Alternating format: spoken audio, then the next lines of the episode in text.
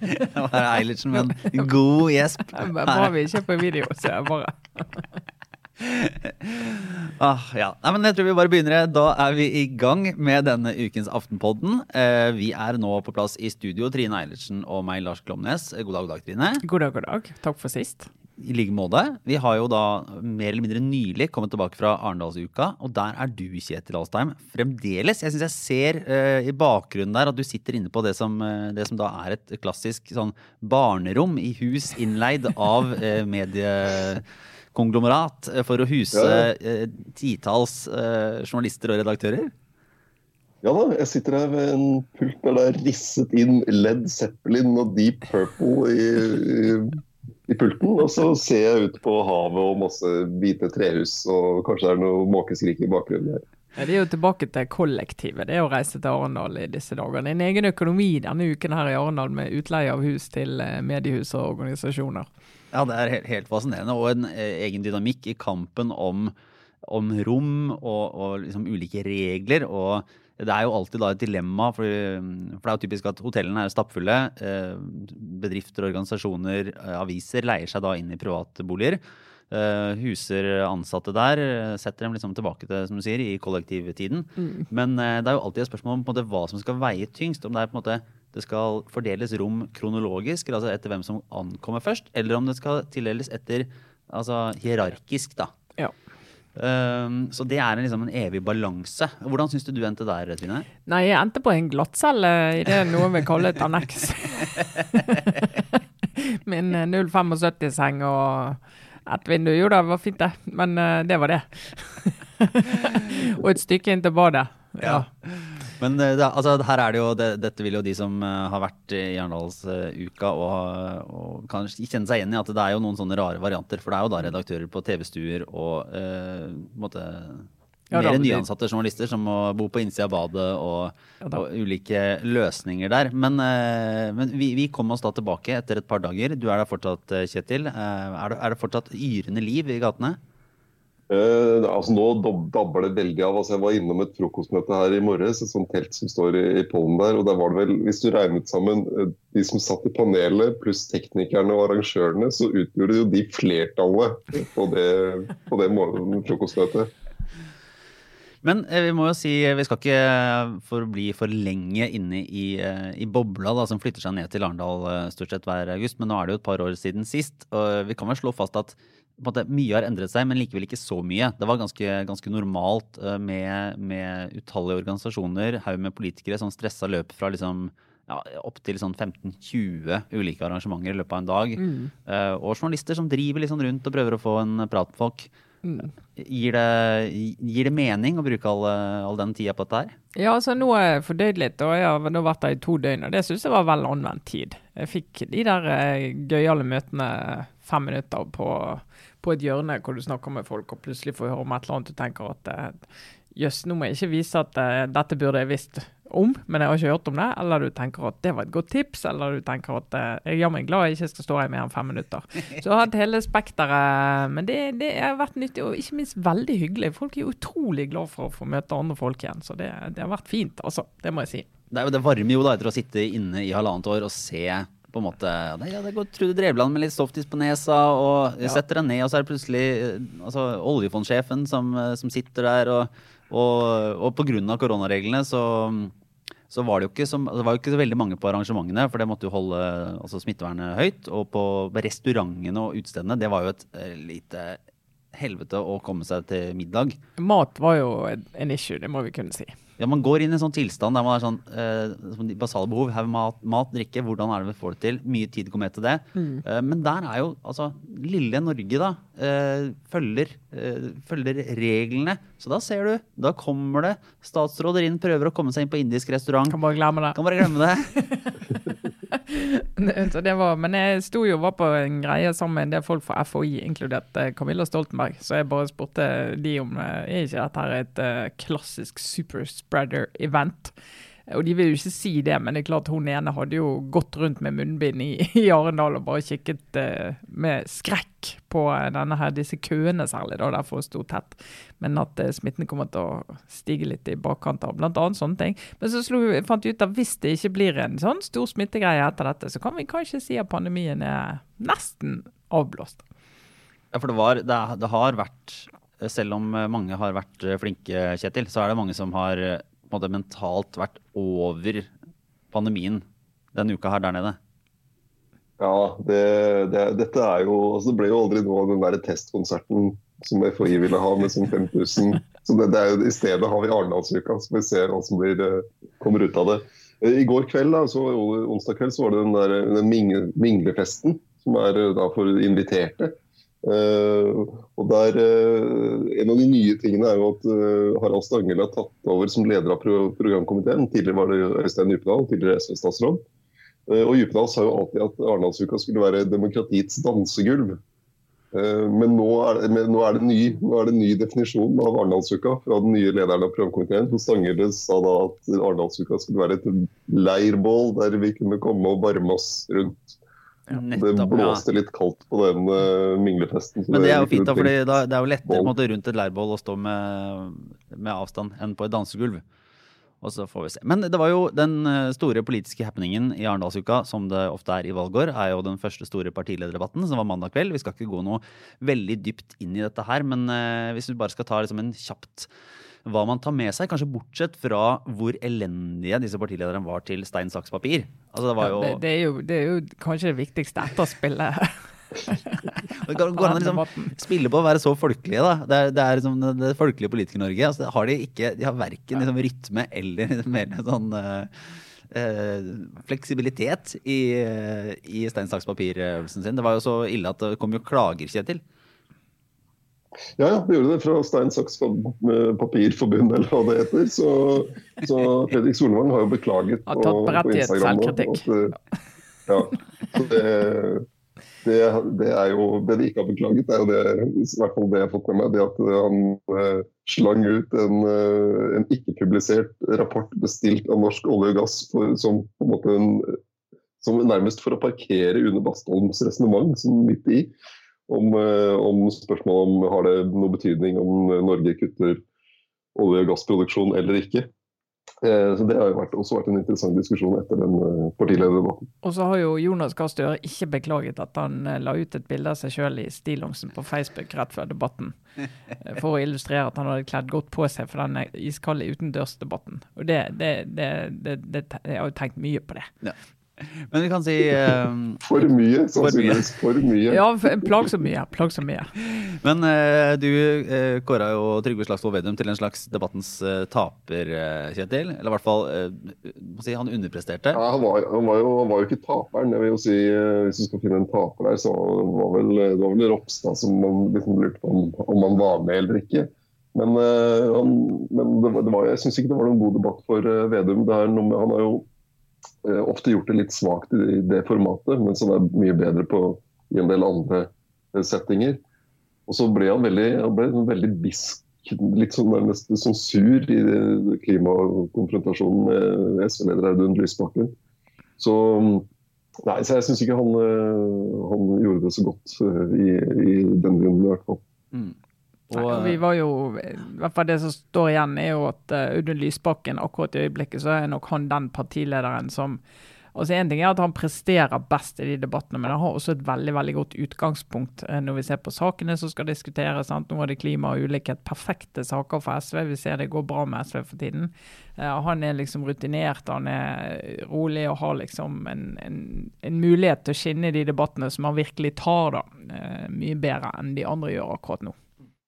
Det var egentlig en fin vei inn i det som må sies å være vår uh, slags hovedsak uh, denne uka i podkasten. Fordi det har kommet ramlende inn, uh, takket være, være altså Norstat og Aftenpostens politiske avdeling, så, så, har det kommet med det som, en, det som er en gavepakke da, til politiske nerder.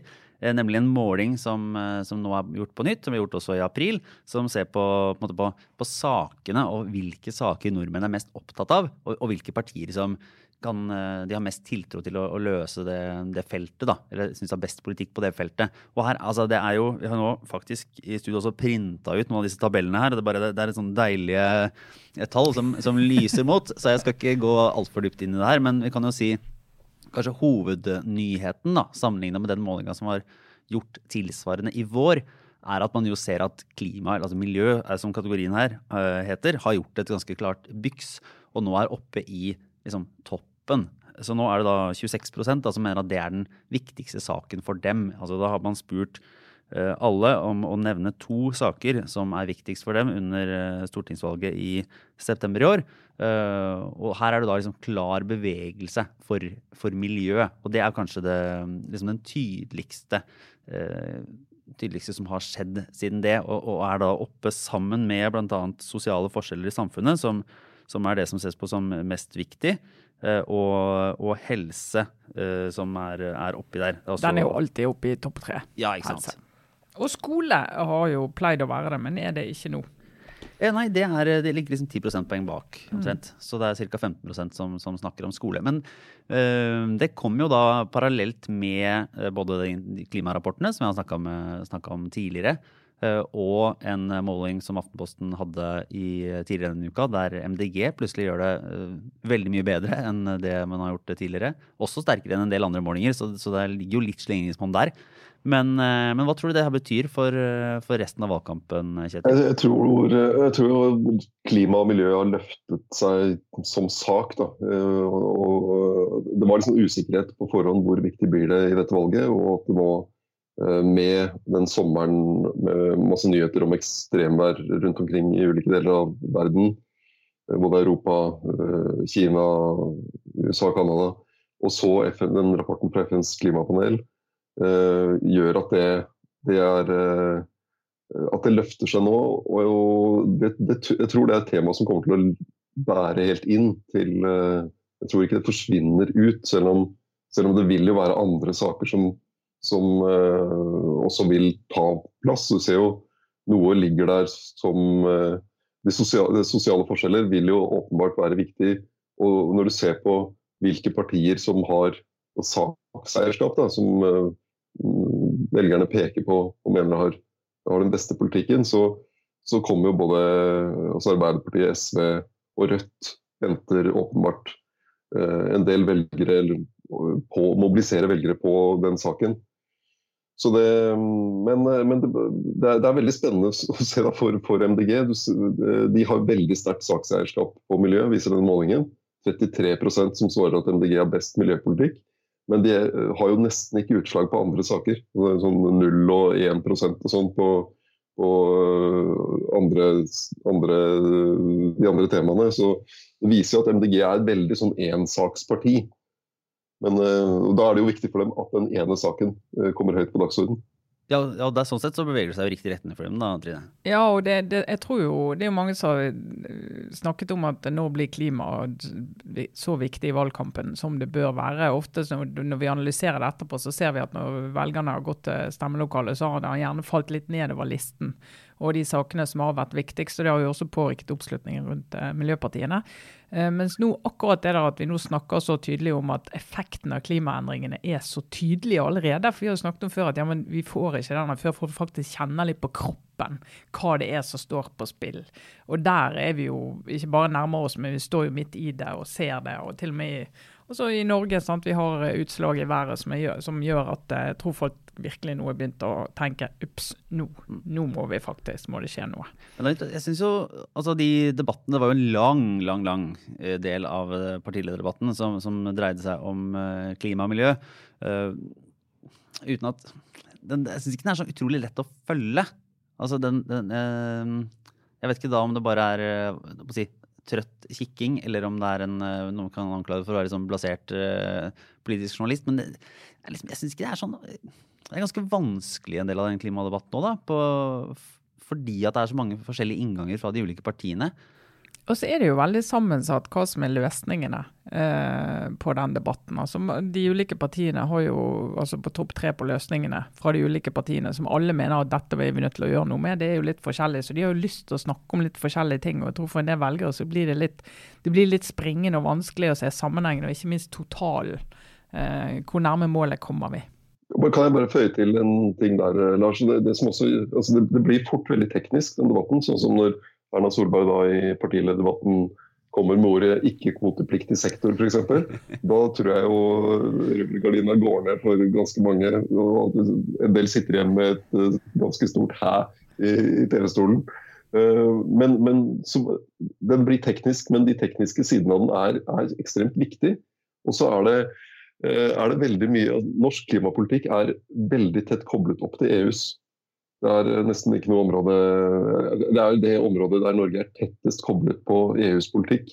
Eh, sånn at veldig mye av det som kommer til å skje i norsk klimapolitikk i årene fremover, vil jo bli bestemt av EU-landene.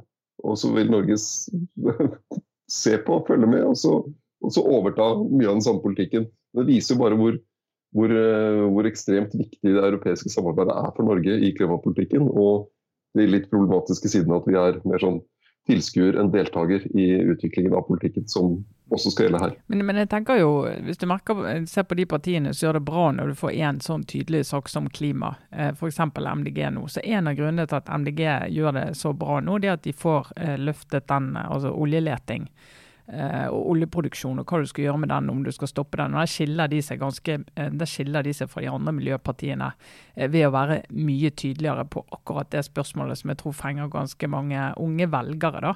Og Vi ser det jo innenfor andre saker, hvis du tar sosiale forskjeller. Så det at SV og, Arbeiderpartiet til dels, men særlig SV, også har greid å gjøre det veldig mye til en sak om skatt og de rikeste, og at du må få fordeling, fordelt de inntektene og gitt mer penger til flere, og liksom få det til å handle om det. Mens Høyre sin inngang på ulikhet, det er jo skole. Sant? At vi er mm. nødt til å gjøre noe med skole. Det er aller viktigste. Det nytter ikke å fordele og øke litt skatter her og der hvis du ikke greier å, å få en bedre skole som, som, flere får noe igjen for. Men de greier ikke å få inn den saken i den diskusjonen. Så den saken forsvinner alltid. Så de partiene som greier å få sine løsninger til å bli definerende for hva som er denne saken, de gjør det veldig bra når en sak kommer opp. da. Det er jo litt fascinerende å se, for Arbeiderpartiet eh, har jo på en måte Altså, det ligger mye her som, eh, som er på deres banehalvdel, da, i, i, det velgerne er opptatt av. Um, og så kan man jo spørre seg om, en, om de på en måte skal juble for at de har, har en så stor del av totalkaka på, liksom på sitt, uh, sitt, felt. Eh, eller om de skal fortvile fordi de egentlig ikke får så god uttelling for det. For det er jo sånn da at MDG stjeler litt på miljø. SV gjør jo også det, på, både på det og, og sosiale forskjeller. Um, på miljø eksempel, så er det jo bare 5 av måte, som mener at Arbeiderpartiet har den beste politikken. Så, så, det er jo litt interessant. For da er jo da mange av Arbeiderpartiets egne velgere som på en måte erkjenner eller tenker at det er noen andre som, som egentlig leverer bedre på det feltet. Men, uh, men, selv om de som et av de store partiene har høy tillit på mange områder, så, så er det jo ikke sånn at målingene til Arbeiderpartiet er noe veldig mye å juble for om dagen, Kjetil? Nei, de, de, ligger litt sånn og slurer. Eh, jeg fikk litt sånn inntrykk av helt i starten, eh, slutten av juli, starten av august, at, det, at de var, en måte, hadde en litt trend oppover. Men eh, det, det, er ikke vår måling denne uka, viste ikke det. Og gjennomsnittet av målingene viser heller ikke det. Så det, så det er, det er sånn stabilt lavt. Og det er Eh, det er sånn, sånn todelt for, eh, for, Arbeiderpartiet at de, de, går, de, eh, de, peker mot et historisk elendig valg, men de får statsministeren. Og de kommer tilbake i regjering. Og Jeg snakket med noen her i går som er sånn må huske at det er åtte år siden vi satt i regjering sist.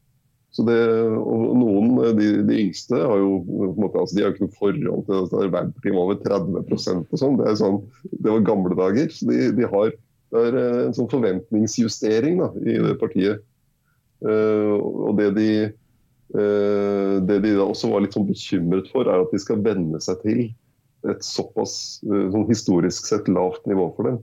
At de ikke skal ha eh, større ambisjoner enn å ligge der og slure på et eller annet sted på 20-tallet. Det er jo litt sånn Hvis du får sånn skikkelig jubel hvis du får 24 og i Arbeiderpartiet sant? Så, så klart, altså, Du kan skjønne nå hvis de jubler for det, men hvis du ser eh, vår generasjon når vi har vokst opp med Arbeiderpartiet, så er jo det helt krisedårlig. sant? Men det Jeg skjønner at det er en interessant liksom, dilemma for dem. da, fordi utad, typisk hvis de gjør nettopp det, så må de jo det er jo klart, Alle skal jo juble hvis de går Altså, eh, ja, går du opp, så skal du juble. Ja, ja, og går du ikke så mye ned som du kunne ha gått ned, så skal du juble. Og, og alt mulig rart for å på en måte, gi inntrykk Du skal motivere litt. Da. Ja, ikke sant? skal motivere. Samtidig så er det der internt, ja, som du sier, at du ikke skal, ikke skal egentlig akseptere det.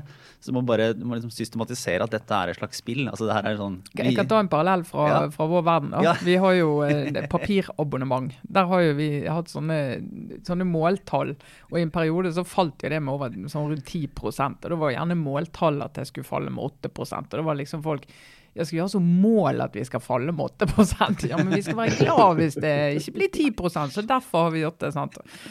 Nå er vi nede på 5 for øvrig. Ja, ikke sant. Plutselig så har du en sånn gullpil fordi du bare har gått ned 5% Ja, ja det blir litt sånn. Oh, men uh, det var, nei, det var, jeg bare ta en, en bit, da. For det, det, er jo ett parti som, uh, som, sliter både på meningsmålingene på, på vanlig oppslutning, og som er, det er veldig tydelig at har et problem når man ser på, på tallene i denne saksundersøkelsen også, og det er jo Fremskrittspartiet. Som, som jo gjør det veldig veldig svakt på, på Aftenpostens måling denne uka, og som, som, som mister eierskap til, til en del saker. Og så ser man jo at uh, ved valget i 2017 så var det jo Det er litt ulike målinger, men, men likevel så tror jeg det kan se en trend der. Da var innvandring et av de viktigste områdene for norske velgere. Det var jo da i kjølvannet av flyktningkrise i 2015, uh, eh, stor, altså stor ankomst av, av, migranter til Norge. nå ser det helt annerledes ut, og det er bare 10% da, som nevner innvandring som et av sine to viktigste områder. Og da er det jo litt sånn at eh, Fremskrittspartiet mister et eh, bein i dette her. Ja.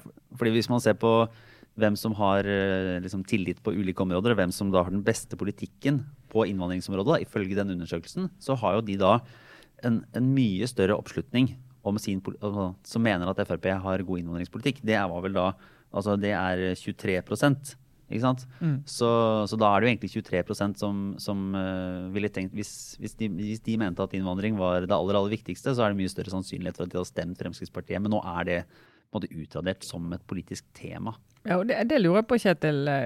Den her, eh, altså Sakseierskap og listene, altså, er de mer flytende nå enn de var før? Jeg liksom opplever at det er litt mer bevegelse der enn det var før. Før var det mer sånn konstant, kanskje. Det var sånn helse, skole, innvandring, samferdsel var veldig sånn faste ting, mens nå virker det som det er mer bevegelighet? Ja, det, det, har jeg ikke sett på, så, om, uh, hvordan det beveger seg. Men jeg synes jo det, det, det, med innvandring og Fremskrittspartiet det, illustrerer jo bare hvorfor det er så viktig for Sylvi Listhaug å, å, benytte enhver anledning til å prøve å gjøre innvandring til, og integrering da, til et viktig tema i valgkampen. Det gjorde hun jo på mandag. Hun klarte jo det. Hun prøvde å dytte inn overalt. overalt ja. og og, og det fungerte altså, fra hennes perspektiv. Synes jeg hun gjorde det på en ganske god måte. Ja, og hun, For hennes, for hun igjen, ref det vi snakket om i sted, sant? for hun å få inn innvandring når du skal snakke om forskjeller, er jo mm. veldig viktig. Mm. Og ikke skatt. Så det, ja. Og det, det, her bare viser jo at hun, hun har behov for å minne måte, velgerne, de potensielle velgerne sine på at innvandring er et kjempeviktig tema.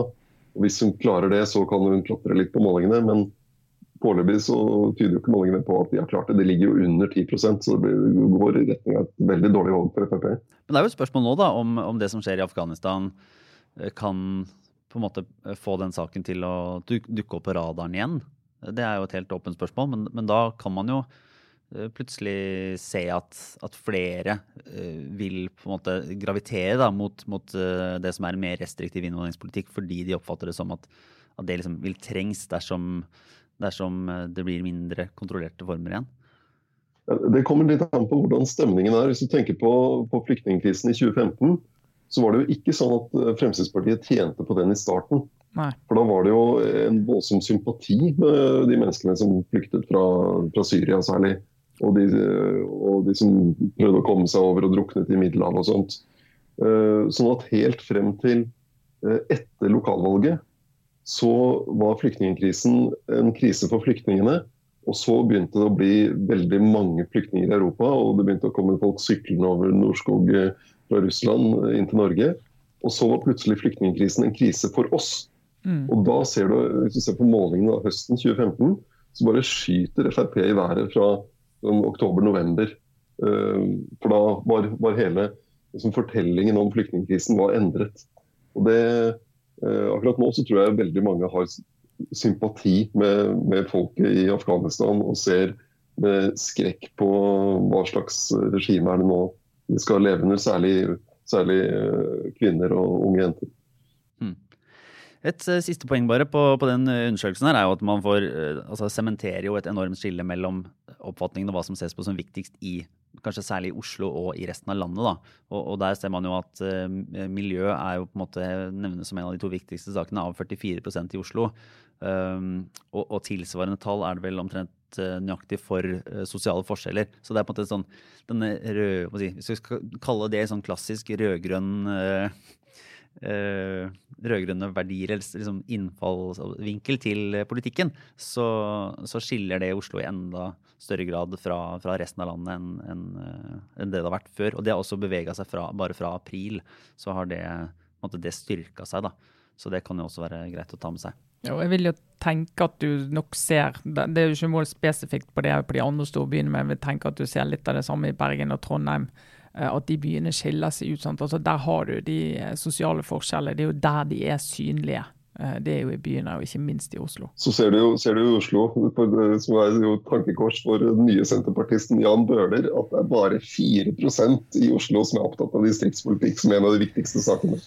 Men, altså, er, men da er jo, da er jo på en måte løsningen er jo å finne en, en politiker som, som bare nylig er blitt senterpartist, og som, som ikke har vært så veldig distriktspolitisk orientert eh, de siste 40 åra heller. Da. Så Men det, men det som er litt eh, morsomt med disse sakseierskapene i Norge, hvis du går til andre land, så er jo det med lov og orden veldig viktig. Det, det, Ja. det er liksom aldri en sånn sak i Norge. Sånn, du kan, du kan vite, Det kan bli diskusjon. Frp vil jo alltid ønske å ta eierskap til det hvis du på en måte endringer i kriminalitetsbildet og sånn. Men det er liksom aldri en sånn sak som er oppe på de listene der. Så det er jo det er bare en observasjon. Nei, det er jo faktisk det er jo forsvar og sikkerhet, men det er bare 6% som mener at det er, eh, er viktigst. Viktig, ja. det er så mye interessant. En annen interessant forskjell da, på, på dette miljø, eh, hvor viktig, av de som nevner miljø som en av de to viktigste sakene, er jo en ganske, altså en markert forskjell i aldersgrupper. Mm. Der unge voksne, eh, fire av ti mellom 18 og 29, nevner miljø. Mens hvis du da går på 40-åringene, eh, så er det to av ti. Så det er, veldig stor forskjell. Og Det er jo spennende å se om det kommer til å være Om det er tegnet på en altså på en bølge som bare vokser. At, at de som eh, er i de yngre aldersgruppene, kommer til å fortsette å ha, måtte, ha det som viktigste sak, eller om det er en sånn livsløpsendring. at, at uh, når man er uh, i 40-åra, så er det andre politiske spørsmål som, som er liksom topp to. da. Det er samme på samferdsel, hvis du ser hvem som uh, syns det er veldig viktig. De unge, de altså, Og det er jo, er jo vittig, hvordan disse sakene er skrudd. Sant? De er veldig opptatt Ja. av klima, men de er ikke opptatt av samferdsel. Mens mange vil si at ja, men uten en spesiell samferdselspolitikk, så vil du ikke nå klimamålene. Mens de eldre er veldig opptatt av samferdsel. Men det er fordi folk tenker vei. Og der har jo Frp sakseierskap eh, på samferdsel, så det er, morsomt å gå inn i de tallene. Altså. Ja, det er vel en ørliten del av eh, MDG eh, Altså det er no, noen få som, får, som, som tenker mot oss sånn, og har MDG som, som samferdselsparti. Det antar jeg er ivrige syklister Og i Oslo. i Oslo, ja. Ja. Nei, men jeg lurer på om vi fortsetter til en runde obligatorisk refleksjon, Ja. Har du lyst til å begynne med dette, Trine? Du har jo vært i Arendalsuka og blitt, om ikke lest deg opp, så prata deg opp. Jeg har hørt meg opp. Lyttet. Lyttet til flinke folk som kan mye ting. Nei, altså, jeg snakket med en jeg kjenner som plutselig eh, hadde en rant, vil jeg nesten si, om eh, noe som kanskje ikke er alle grunn til å snakke om til dagen, nemlig noe som heter gassled.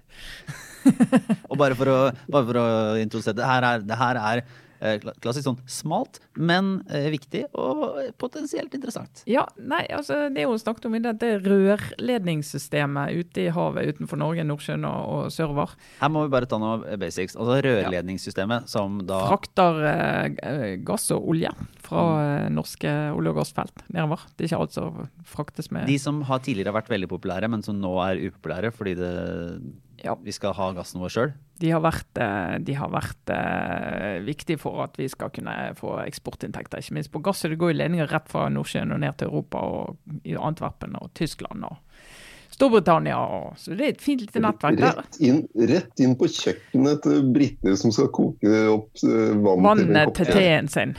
Ja da, og jeg, da, eh, jeg, jeg har jo da en, en far som har vært prosjektleder for eh, særlig et av disse prosjektene. her, Så dette har jeg virkelig vokst opp med tett på kroppen ja, og bygging av en av disse ledningene. Da kommer fascinasjonen lettere forståelig. Hvor, altså, for dette har du prata med til alt og alle. Du har vært en slags jeg har vært veldig opptatt av det, for jeg syns det er så fascinerende. ja, Tenk deg å legge rør på havets bunn på Nordsjøen over norske renn og alt sånt. Du vet det er teknisk eh, høy, høy, høy, eh, høy kompetanse. Men sjøl disse rørledningene her, de begynner å bli gamle. Eh, og så- men så er det jo mange som ser muligheter. sant? Eller si vi satser på havvind, eller vi skal samle CO2. Hvis vi har noe lagre, så kanskje vi kan frakte CO2 opp i disse ledningene. Eller vi kan frakte havvindenergi ut i disse ledningene i fremtiden. Eh, og mange eh, som denne som jeg snakket med sier, det er så mange som bare tar for gitt at nei, men da bruker vi bare de rørene der. Eh, men så sa hun det at men de eier jo ikke vi. Eh, For de er jo eh, det er noen andre som eier, og det trengs en voldsom sånn pensjonsfond, utenlandske pensjonsfond og store men, eh, altså, altså, investeringer. noen, Vi eier litt, men ikke hele. men fordi de er da som et uh, eget liksom, Som et lite uh, aksjeselskap å regne? Ja, det er en nydelig liten kontantstrøm, for du betaler jo for å få fraktet varen din, gassen eller hva det måtte være, i disse ledningene. Så det er en nydelig fin kontantstrøm som bare sitter og tikker inn. Så er det fint å eie. Men nå begynner det å nærme seg eh, slutten eh, på eh, Altså, du, du er nødt til å ta noen valg, og det er hjemfall på disse rørene her. Har jeg hørt. Det var jeg ikke klar over. Men altså, så, som, som eh, Det er jo den klassiske regelen som Ja, bare- sånn som det er på fosser og altså du kan jo, jo, ja, men det betyr at, at etter et visst antall år så går på en måte rettighetene eller eierandelen tilbake til norske Tilbake stat. til folket, Ja. tilbake til staten. Da har det sånn at du kan på en måte få lov å, å forvalte de i et, et bestemt antall år. Et slags årmål på Ja, ja, og naturressurser så når du kommer på slutten av de årene, så kan du få en ny, nytt antall år. Men du kan ikke eie de for resten av livet. Hjemfall har jo vært en veldig svær diskusjon i Norge. Det er vel kanskje en av de eh, særegenhetene i Norge vi er mest fornøyd med at vi har eh, hjemfall på fosser og kraft. og Sier at greit, noen skal få lov å tjene masse penger på dette en stund, men vi må aldri glemme hvem som eier disse ressursene her. Eh, Så det er det hjemfall på, det visste jeg ikke. Eh, Men da er det nå begynner å nærme seg at det er ganske sånn stort investeringsbehov eh, på disse rørledningene her. Og da er det hvem skal ta den investeringen?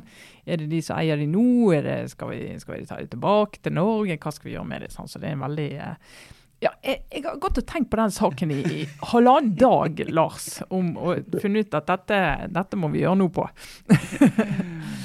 Men hva alternativene er at uh, vi kjøper dem, eller sånn? Jeg kan ikke mye om dette, Lars. Jeg, det jeg kan om det, har jeg sagt nå. Ja, nettopp, ja, men det var jeg synes, altså det var uh, Men, det, men jeg gjorde jo, du var jo der, for vi kom jo tilfeldigvis til å sitte rundt et bord med oljefondsjefen. Så jeg kom jo rett fra den samtalen bort til han, jeg foreslo at han kunne kjøpe det. Ja. Ja. Så her, altså hvis, det, hvis, hvis dette er Hvis vi nå bare ser for oss lobbyrekka, eller hva skal man si eh, Du har eh, på en måte fagperson eller en eller annen interesse. eh, så har du bare to hakk unna i den grøten rundt bålen i Arendal. Så, så er dette, så, dette frøet da planta i i uh, hodet på, på oljefondsjefen. Så så kan Ja, du ha et godt, men ubekreftet rykte. ja, for, for jeg kom jo bort og fortalte og tilbød dette, og hvorpå han da svarte Hvem er du? Hva jobber du med? Ja.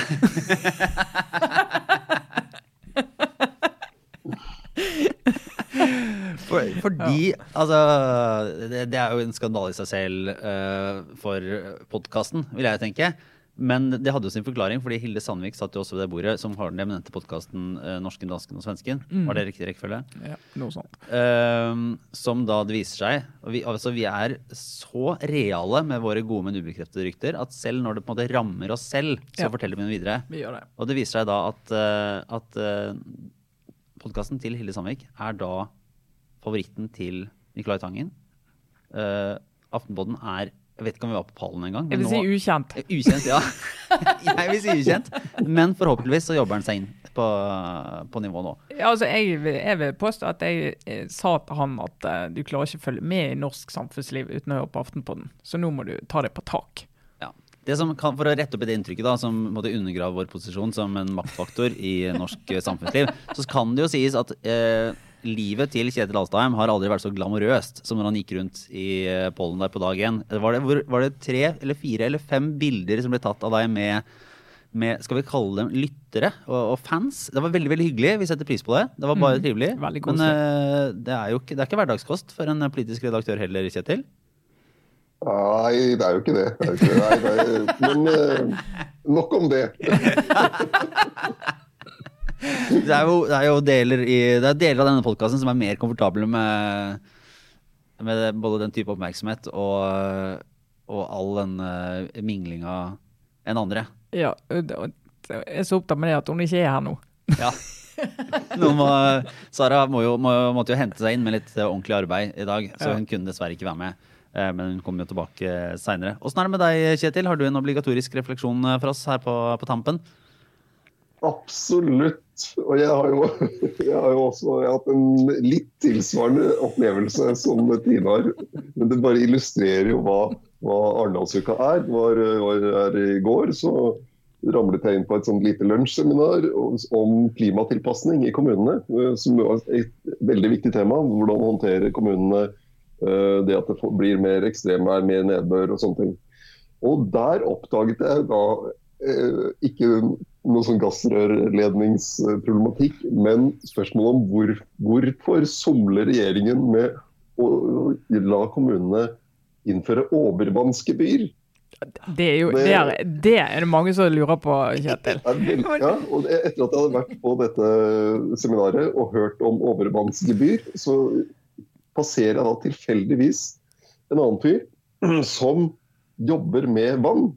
Så, så står, står jeg da mellom sånne softis-spisende mennesker og snakker om overvannsgebyr i pollen i Arendal. Eh, skal du ha en forklaring på hva dette er? Ja, ja, ja. ja, jeg ser gjennom skjermen her, så ser det ut litt sånn spørrende uttrykk. Fordi at altså, overvannsgebyr jeg skjønner, Hvem er det som vil få dette gebyret? Altså, jeg antar at det, det, er det sånn at det regner masse, eh, blir overvann i Og så får du straff for det at du ikke klarer å ta unna vannet. Ja, det, det yr. Straff til yr. Nei, altså poenget er jo kommunen har ansvar for eh, vann og avløp. Eh, Og regningen for alle sånne rør og sånn, det kan kommunene sende rett til innbyggerne. Det er innbyggerne som betaler det gjennom gebyr. Eh, Men eh, når det blir mer vann, eh, mer nedbør, mer vann å håndtere, så må de jo dimensjonere opp de avløpssystemene for å kunne håndtere alt det vannet. Og det å drive med rør under bakken er kjempedyrt. Så det som er rasjonelt, er om, de, om kommunene, byer og andre lager løsninger som bedre håndterer overvannet på fla- overflaten. eh, Sånn at du slipper å ha det ned i rør og, få, og dimensjonere opp dem. Altså Ja, F.eks. parkanlegg og sånne ting. Mm. Men den, den regningen for den type tiltak, som da egentlig er billigere, eh, kan ikke kommunene per i dag sende til innbyggerne. Nettopp, så Eh, lønner det seg både for kommunen regnskapsmessig å ta det på rør, for der kan de hente Ja. inn penger. Ikke ta det på eh, overflaten, for der må man betale fra andre Men, og dette har vært et forslag som har ligget eh, hos regjeringen i lang tid, om å, å gi kommunene den muligheten, men som er blitt sabotert politisk. fordi særlig i Høyre så er det sånn Hæ? Eh, Øke gebyret til innbyggerne? Det kan vi ikke gjøre! Så, så resultatet av det er jo at i stedet for at, eh, er jo at kommunene må investere i dyrere løsninger, sånn at kostnaden egentlig blir høyere for ja, innbyggerne. altså, Kjetil, her lukter lederartikkel lang Ja. vei. Overvannsgebyr nå! Det lukter også at, uh, igjen, at påvirkningskraften til uh, enkelte uh, fagmiljøer som man møter på gata i Arendal, er, stor. Ja, det er er verdt å, ta, verdt å ta en tur til Vi Arendal vil. stiller her med et åpent sinn. Det kan vi stå vist nå. Jeg kan få lov å komme med en anbefaling òg, Lars. Det, det kan du meget gjerne. Det er, Som er noe eh, helt annet. Ja, gjør, ja, Det må jeg få lov å gjøre, altså. Det, her, det her, jeg skal ikke si at det var eh, er fjernt fra manges liv, det er veldig nært, men det er jo eh, også smalt. Det er indirekte. Ja, men dette er, jeg vil at eh, så mange som mulig, de som elsker eh, byliv og savner folk, de skal følge Instagram-kontoen Watching New York. Vi sender ut eh, hva den heter på i nyhetsbrevet vårt. Det er en nydelig Instagram-konto. En fotograf som går rundt i New York og bare tar bilder av eh, folk og det de har på seg. Eh, og legger ut, og det er fine serier. Og det er, vet du, jeg ser på den hver dag, og så føler jeg at det er i New York. Altså, jeg er åpenbart pandemiskadet, da. Men jeg blir så glad, for der er det Hvis, hvis du lurer på hvorfor folk flytter til storbyene, uansett hvordan trenden er Nå så at det faktisk er netto flytting fra Oslo, men uh, storbyene trekker. Og en av grunnene, en viktig grunn til det, det er jo den opplevelsen av uh, det mangfoldet av mennesker og uttrykk for hva skal jeg si, menneskelighet og hvem du er, og hvordan du kan vise liksom, gjennom hva du har på deg. og og det er så fantastisk å se på den variasjonen. og New York er jo en av de byene der man virkelig kan uh, se et spenn i hvordan folk uh, ser ut når de går ut. Jeg ler, jeg smiler. altså Jeg blir så godt humør av den Instagram-kontoen, så jeg håper mange vil se på. Elsker du by, så elsker du den.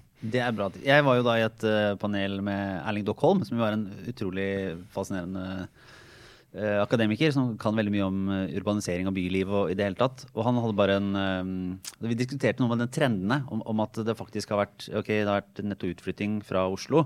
Men altså, de flytter jo til områdene rett rundt. Så sånn som Lørenskog uh, har visst like stor folkevekst som Nigeria. Altså prosentvis, da, ikke i uh, millioner. Men, men altså er Så den trenden er det er godt mulig at Oslo sentrum får uh, noen bitte litt uh, netto mindre folk, men urbaniseringstrenden men er, den er en megatrend som egentlig ja, ja. Det, det, er et uh, Byene siger utover, egentlig. Ja. ja. Blir, blir, bare litt større i omfang, og dermed så flytter folk rundt. Ja. Jeg tenkte egentlig bare å eh, tipse om en sak fra Filter nyheter som er interessant. Eh, fordi det er noe som har kalt seg Aksjon for borgerlig valgseier som er en forening da, som har drevet og samlet inn penger og åpenbart vil ha borgerlig valgseier. Så de har um, Lykke til med det. Ja, så, så de, de, jobber jo foreløpig i oppoverbakke. Eh, men de har sagt at de vil gi da totalt 1 million kroner i støtte fordelt på de borgerlige partiene. Uh, altså Høyre, Venstre, KrF og Frp. Uh, og I alt så skal den foreningen da ha mottatt 5,3 millioner kroner da fra det som er mange bidragsytere. Og det er her det er interessant. Uh, fordi da er det bidragsytere som støtter denne foreningen, som så støtter partier. Og nå sitter jo da partiene, i hvert fall Høyre, Venstre og KrF, uh, og at de ikke helt kan bruke de pengene ennå, fordi de er litt sånn usikre på om det er uh, tillatt. Mens andre medlemsorganisasjoner, som f.eks. en fagforening, de kan jo gi de kan gi Jeg, jeg, jeg jobber fortsatt med å forstå ja, det blir, helt blir sånn interessant å se hvor nyansene og grensene går. Jeg skjønner jo at de er skeptiske, for det er jo forbudt med å ta imot eh, store summer anonymt. Ja, for det er jo nettopp det at det skal være en gjennomsiktighet da, i politiske bidrag. I hvert fall det som er over en viss sum. Uh, mm. sånn at, uh, så her er jo spørsmålet om det på en måte kan opprettes eller bli en form for en sånn superpack amerikansk kultur, der man kan gi penger i i skjul til noen som gir det videre og, ja, og samler ja, inn. Ja. For du, du, du, må i hvert fall ha navn den, i medlemslisten på en måte for å kunne si at det er åpent. da. Ja, så det, her, det, det, er jo, det er spennende. Det kan jo fremstå som en sånn omgåelse av, eh, av reglene. og Hvis mm. du har store enkeltgivere eh, som da slipper eh, offentlighet Altså ikke vil ha oppslag i mediene. En som ikke har lyst til å bli stemplet som rik onkel, kan gi på den måten. Og så har ikke det noe grunnlag nå for å, for å, antyde at det har vært noe som helst motivasjon for aksjonen for borgerlig valgseier. Da. Så, så, så, det er jo ikke de som nødvendigvis er en eh, negativ kraft inn i det her. Men det er interessant å se for, for om måte, alt som handler altså Penger og politikk er et ja, fascinerende sammensurium. Så, så, det kan jo hende at dette er en litt sånn prinsipiell sak som kan få litt betydning framover. Så jeg skal lenke til den også og, å se på Men vi skal tenke på bindinger, da. Så hvis det er anonym giver, så vet du ikke Da, da har du jo òg uklare forventninger til partiet. Altså Hvis ja. en bare gir penger og sier jeg, jeg ber ikke om noen ting, jeg ber ikke om noe, jeg bare gir penger. Håper dere vinner valget, lykke til. Så vet du ikke folk om de gir pga. en eller annen Nei, nei, om de har sittet og sett på sakslista. Uh, ja. uh, Nei, men Det blir interessant å se hvor de lander. Ja. Så nei, det får vi nå se på. Men eh, vi er eh, tilbake neste uke i hvert fall. Da er det jo fortsatt eh, valgkamp og mye som skjer. Da håper vi at eh, Sara også får muligheten til å være med, og at vi er på plass kanskje i studio alle sammen. Da, du henger ikke i Arendalsuka fram til En uke til. Du har ikke en uke til, Kjetil? Nei, jeg skal hjem i dag i kveld. Det, det, tror jeg jeg så på programmet i dag, så avlyste de et arrangement som skulle handle om meningen med livet. og da, Det tror jeg betyr at nå er det over her nede. Det er et tegn. det er et tegn. Ja, nei, men Du får ha god tur eh, hjem, Kjetil. Så, så er vi snart tilbake. Dette var ukens Aftenpodden. Ha det bra.